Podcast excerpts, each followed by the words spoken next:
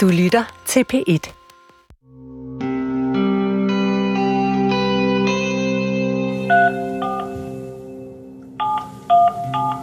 Det er vinteren 2015.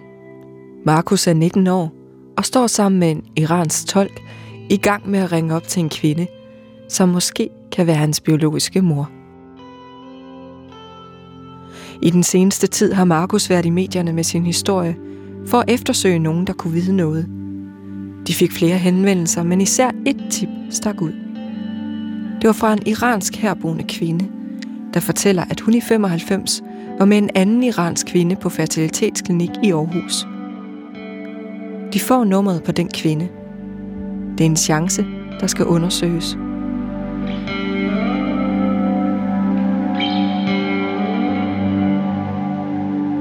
Det her er serien Det forkerte barn. Afsnit 3 ud af 4. Jagten.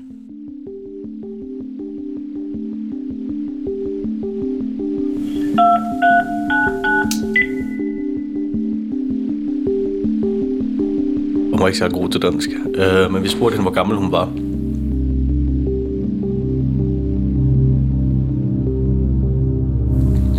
Øhm, så fandt vi ud af, at det, det ville ikke passe med alderen, for vi havde fået hendes fødselsdato. Så det var sådan lidt, ja. Og jeg havde egentlig heller ikke rigtig regnet med, at det var min mor. Altså det var måske bare en, der lignede mig, eller whatever. Altså, hvis, hvis hun havde været i live, så tror jeg, jeg havde hørt fra hende. Jeg tror, det er ret begrænset, hvem der lige præcis i 1995 rejste til Danmark for at modtage kunstig befrugtning. På trods af mange forsøg og stor eksponering, lykkes det ikke Markus at finde sin biologiske mor fra Iran. Og han tror derfor ikke, hun er i live. Markus har overvejet, om hun måske alligevel var blevet gravid på klinikken dengang. Måske med det æg og den sæd, der egentlig var Marianne og Henriks. Markus har overvejet, om hans biologiske mor egentlig kom hjem til Iran, fødte et hvidt barn og måske er blevet straffet for det. Men det der, du siger, så ved man godt, hvad der sker, når man kommer hjem med et barn i Iran. Ja, i en højere stående. Altså, det, der, det er æresdrab, fordi så er kvinden jo været utro. Så bliver hun sten ihjel, og så får hun hugget hovedet af sammen med ungen. Er det det, du tror på, at der er sket? Det er kutumen, især på det tidspunkt.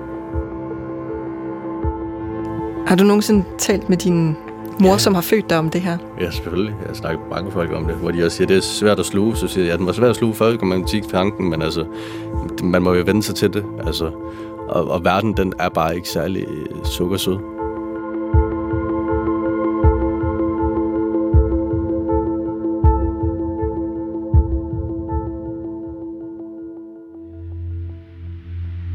Det er et stort arbejde at forholde sig til opklaringen. Og det fylder meget i hverdagen og i det indre landskab.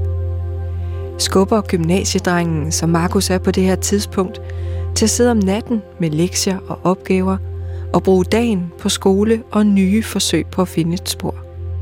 Det der, man, jo tættere på man kommer, hvis man skal sige det sådan, jo flere kroge man har været ude i, jo mere skør bliver man også. Man bliver, man bliver sindssyg af det, faktisk.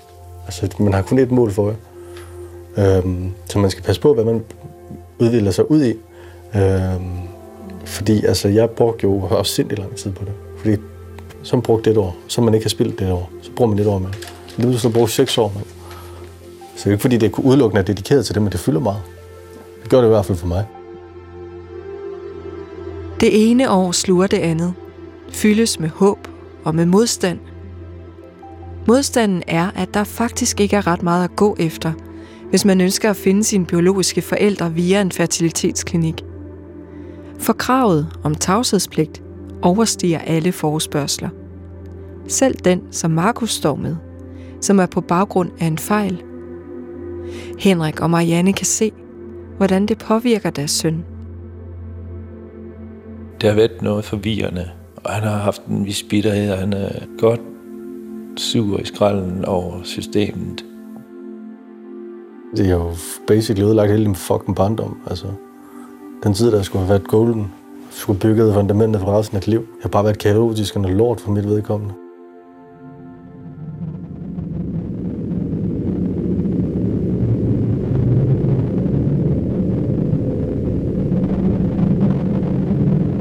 så lige pludselig så bliver jeg bare ramt af den her total meningsløshed. I alt, hvad jeg foretager mig. Jeg hader mig selv. Jeg hader alle, jeg er omkring, stort set.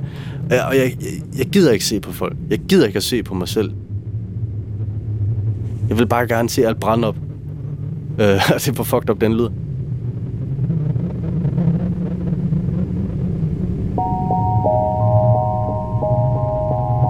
Det forløb, der nu følger i Markus' liv. Der er en masse spørgsmål, der knytter sig til det. Spørgsmål, som han hverken selv eller andre rigtig kan besvare fuldt ud. Skader en forbytning som barn, når man ellers er vokset op med kærlighed? Hvilken forskel kunne mere åbenhed og færre hemmeligheder have gjort? Var det rigtigt at begynde at lede efter sine biologiske forældre?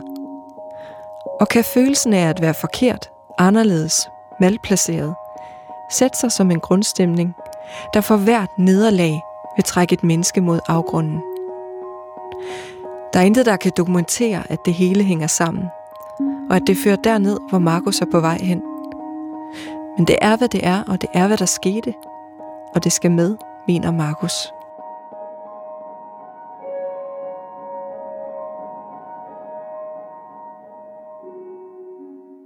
Jeg havde ikke nogen glæde i mit liv.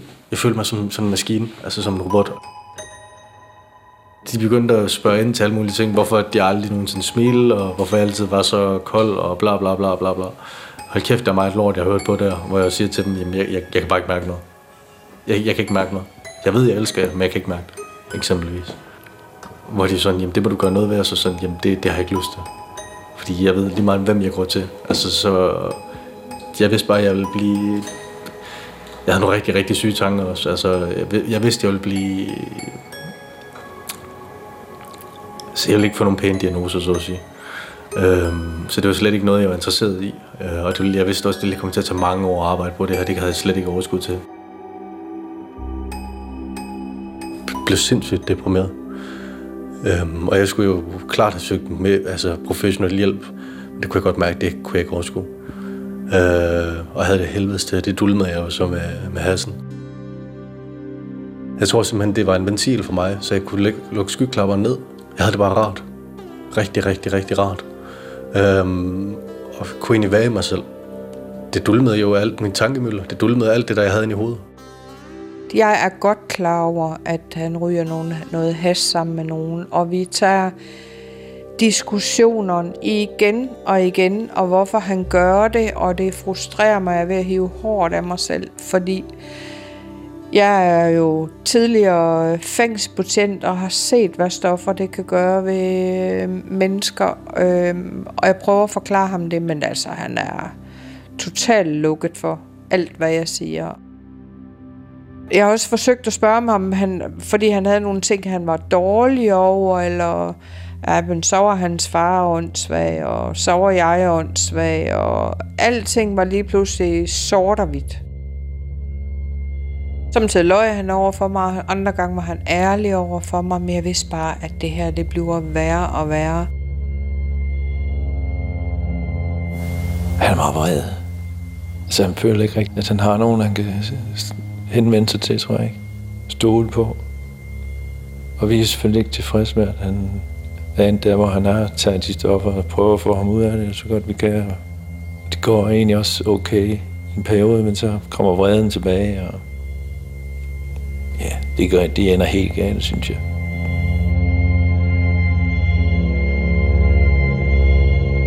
Stofmisbrug, det var jo så slemt, at jeg var, jeg var ved at uh, det er flere gange, jeg kan tælle på to hænder. Kokain, MDMA, tog lidt metamfetamin en gang imellem. Men jeg kan huske den periode, jeg prøvede på at blive clean flere gange, og jeg holdt mig ind i clean nogle dage. Men det der var med det, det var jo, at, at når jeg stod hen til en altan eller andet, så var det som, der var nogen, der skubbede mig. Og sådan, den stemme, der siger til mig, bare hop, bare gør det, så er det over. Og så er jeg på ferie med en veninde, og vi sidder dernede og pakker vores kufferter, og så ringer min telefon, og det er Markus. Så tænker jeg, ej, vi er på vej ud i bussen og på vej ud i lufthavnen. Det må simpelthen vente til at komme hjem. Og jeg kommer hjem søndag, og så ringer Markus, og jeg kan høre, at han er fuldstændig væk. Altså, og han er bange. Han er så bange. Han siger en masse mærkelige ting om, at der er nogen, der er efter ham, og nogen, der vil slå ham ihjel. Så han er, han er så langt ude, og så bange, og visker, og fuldstændig psykotisk. Fordi han fortalte noget om nogle knive i telefonen og alt muligt. Så jeg ringer til politiet og siger til dem, at vi er nødt til at ringe efter en læge, fordi at det her, det er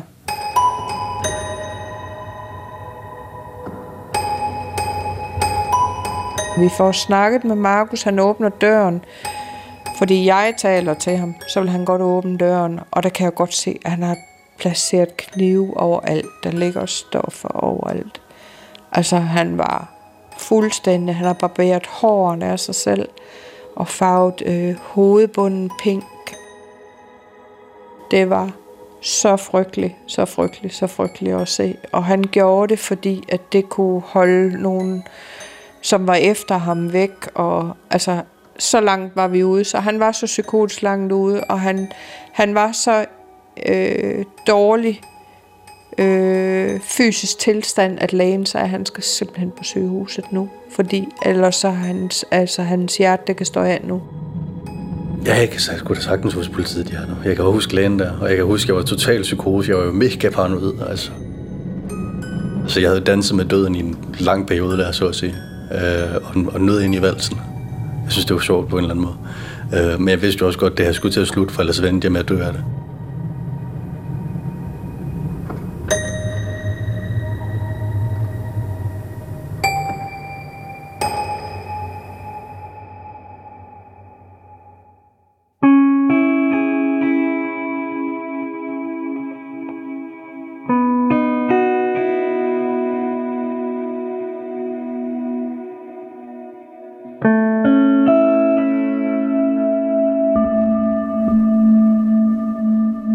En form for sammenbrud, der sker den dag i lejligheden. Og Markus bliver efterfølgende indlagt på psykiatrisk afdeling.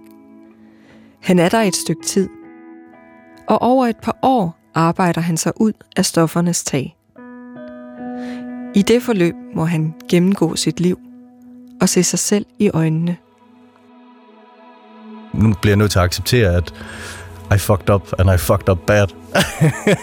øh, og jeg havde nærmest smadret alt af for mig selv, faktisk. Øh, på grund af, at jeg har haft det så dårligt med mig selv. Der er samtaler med psykiatere og psykologer undervejs i de år. Et eller andet sted drømmer Markus om, at nogen kan fortælle ham, hvorfor han er, som han er. Hvorfor det gik, som det gik. Han længes efter et svar. Noget, man kan sætte streg under. En sandhed. Men ender med at se, at det nok kun er ham selv, der kan forme den. Man kan jo vælge at gå helt kynisk ind til banen og sige, at det er bare mig, der tuder. Altså, det har jeg da også tænkt over før, det har jeg da hørt før. Jamen, var det virkelig så galt, og bla bla bla, og alt det der pisse lort der. Og jeg sådan siger til dem, jamen prøv at her.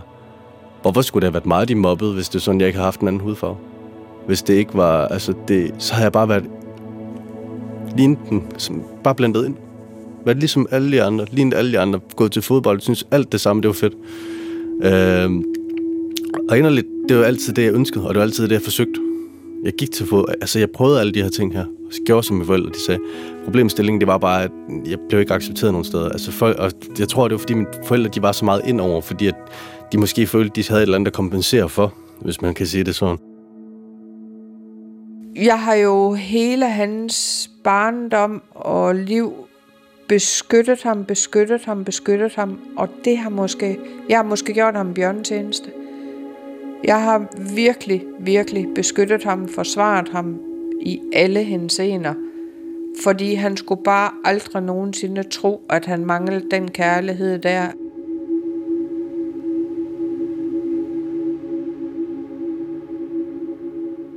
Lige nu går du der i noget behandling. Jeg går ikke i behandling, men nu har vi, øh, vi blevet enige om, at jeg skal udredes ordentligt, hvilket er det, jeg gerne har vel hele tiden. Fordi som jeg siger til dem, altså jeg vil gerne få det bedste ud af mit liv. Jeg vil gerne se, finde ud af, hvilke problemstillinger det er, jeg bakser med, og hvilke ting, jeg måske kan få noget hjælp til. Øh, fordi altså, visse ting har jeg simpelthen bare behov for hjælp til. For tiden er verden god. Men der er også kommet et andet element ind. Et projekt. En plan en drøm, som holder ham oven vande.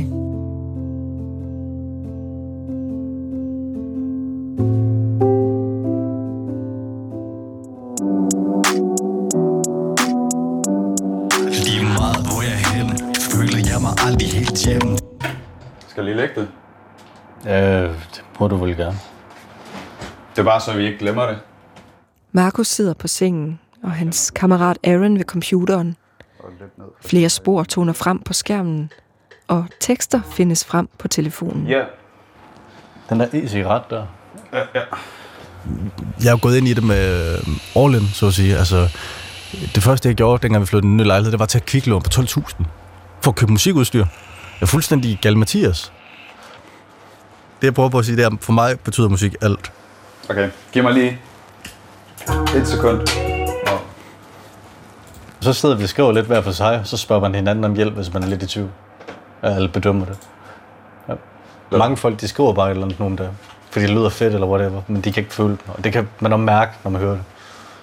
Hvis du spørger mig. Nej, jeg skal nok lige skrue op for mikrofonen. Og lidt ned for den her i mine ører. Hver dag prøver jeg finde Prøver jeg at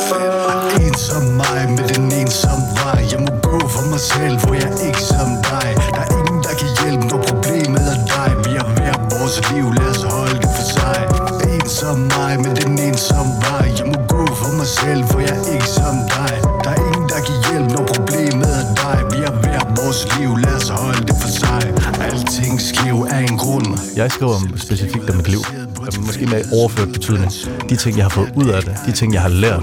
Hvis du ikke fixerer på din baggrund For den mentalitet, hvor der ikke andet ind i bund Så stop med at være så toxic og prøv at tænke sundt Så hvis sandheden går ondt, må du prøve at vende dit synspunkt rundt Så sandheden i øjnene, så opdager du løgne om, hvem du vil være For først med klar syn, kan du af din fortid tage ved lære Altid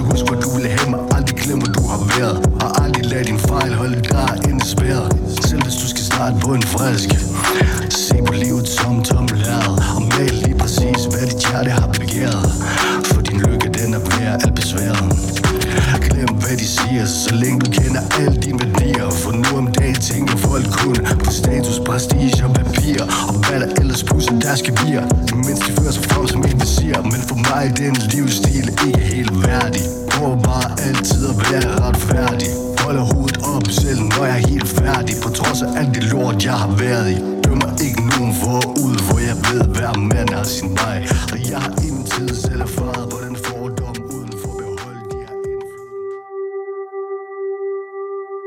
Vi havde lavet en sang sammen, der hedder En til mig.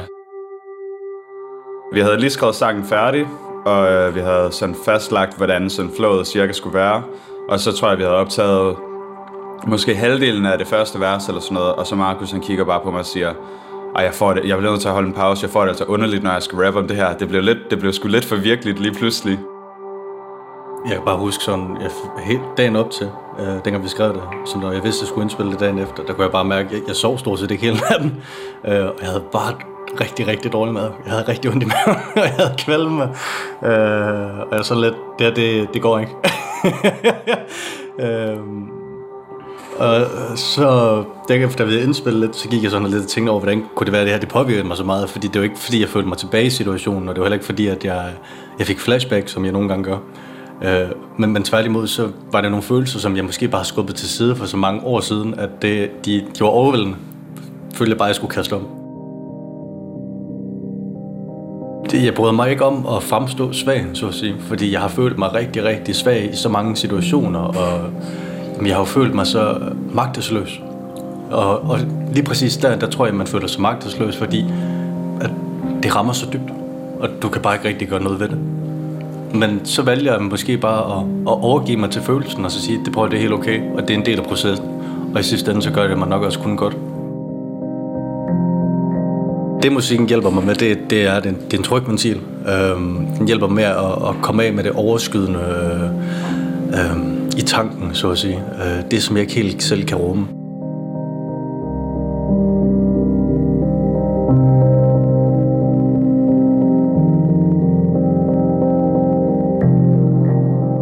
Markus skriver lige nu på en sang til en særlig person. En, som kom ind i hans liv, da han var 19 år og ændrede alt. Jeg ved ikke, om det er godt. Altså, om det, det ved man jo aldrig, før man har gjort det, men, men et eller andet synes jeg, jeg bliver nødt til at sige. På det tidspunkt har Markus stadig kontakt til dokumentarholdet, der følger ham i hans søgen efter sine biologiske forældre. Og de foreslår et nyt træk. Det næste skridt, det var jo så, at vi tog den her DNA-test. Øh, det var jo ganske almindelig DNA-test, hvor du får en badpind, og så kører du den rundt ind i munden i 30 sekunder, og så stikker du den tilbage i æsken og sender den. Det var det. Ganske simpelt. I håbet om at få bare en lille smule information mere om sit ophav, har Markus lavet en DNA-test og sendt den afsted til undersøgelse. Der går cirka to måneder, og så kommer den tilbage med svar. Da DNA-testen kom tilbage fra det der 23 Me, der var jeg jo meget spændt på min etnicitet og så sådan noget, fordi det, det, det vidste jeg, det kunne den levere. Cirka 50 procent Iran og cirka 50 procent øh, fra Storbritannien, så vidt jeg husker. Sådan meget 50-50. Altså, jeg regnede med et eller andet omkring Mellemøsten og sådan noget. Øhm, jeg havde godt nok ikke forvejen med, at jeg var skotte eller fra Storbritannien. Det var ikke kun de angelsaksiske gener, der kom som en overraskelse med DNA-testens svar.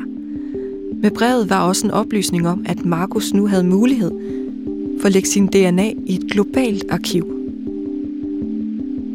I DNA-testen der øh, tilhører et, et DNA-register, så der faktisk går på tværs af alle de her forskellige virksomheder, der har noget med det her at gøre. Øhm, så de har et kæmpe stort netværk af folk, der har sendt deres DNA ind. Og det kan man så krydse af, om man, man gerne vil være en del af. Øh, det gør man bare online.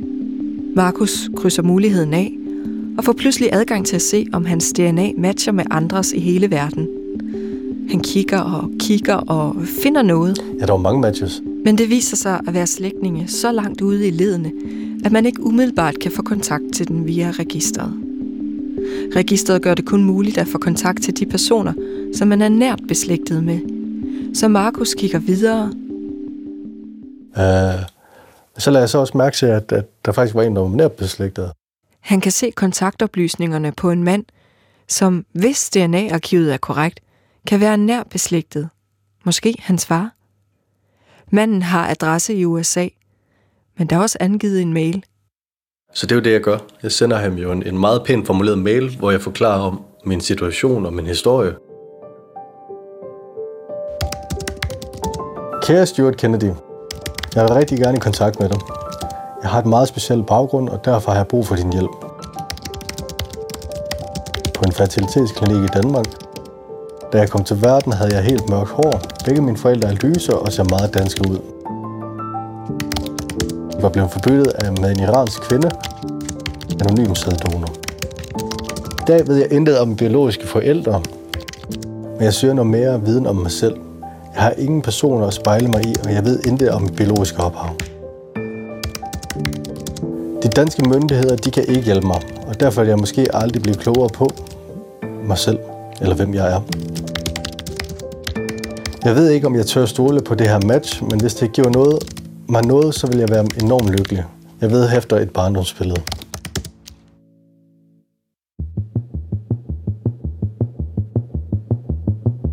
Markus sender mailen afsted. Øhm, og så tror jeg, jeg får svar en uge 14 dage efter. Altså, jeg håbede som udgangspunkt bare, at det kunne bidrage med nogle informationer. Øhm, jeg havde ikke på nogen måde regnet med, at det her det ville være åbningen.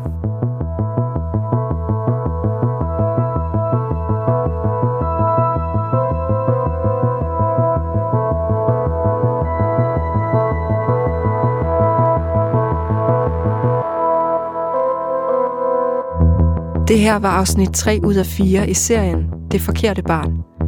Tilrettelagt og klippet af mig, Sara Røykær Knudsen. Min redaktør på serien er Hanne Barslund og Jesper Langballe.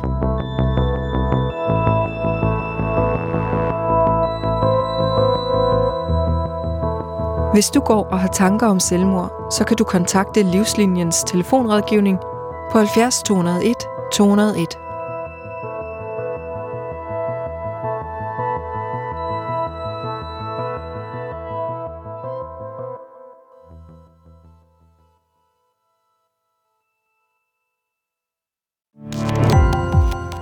Gå på opdagelse i alle DR's podcast og radioprogrammer. I appen DR Lyd.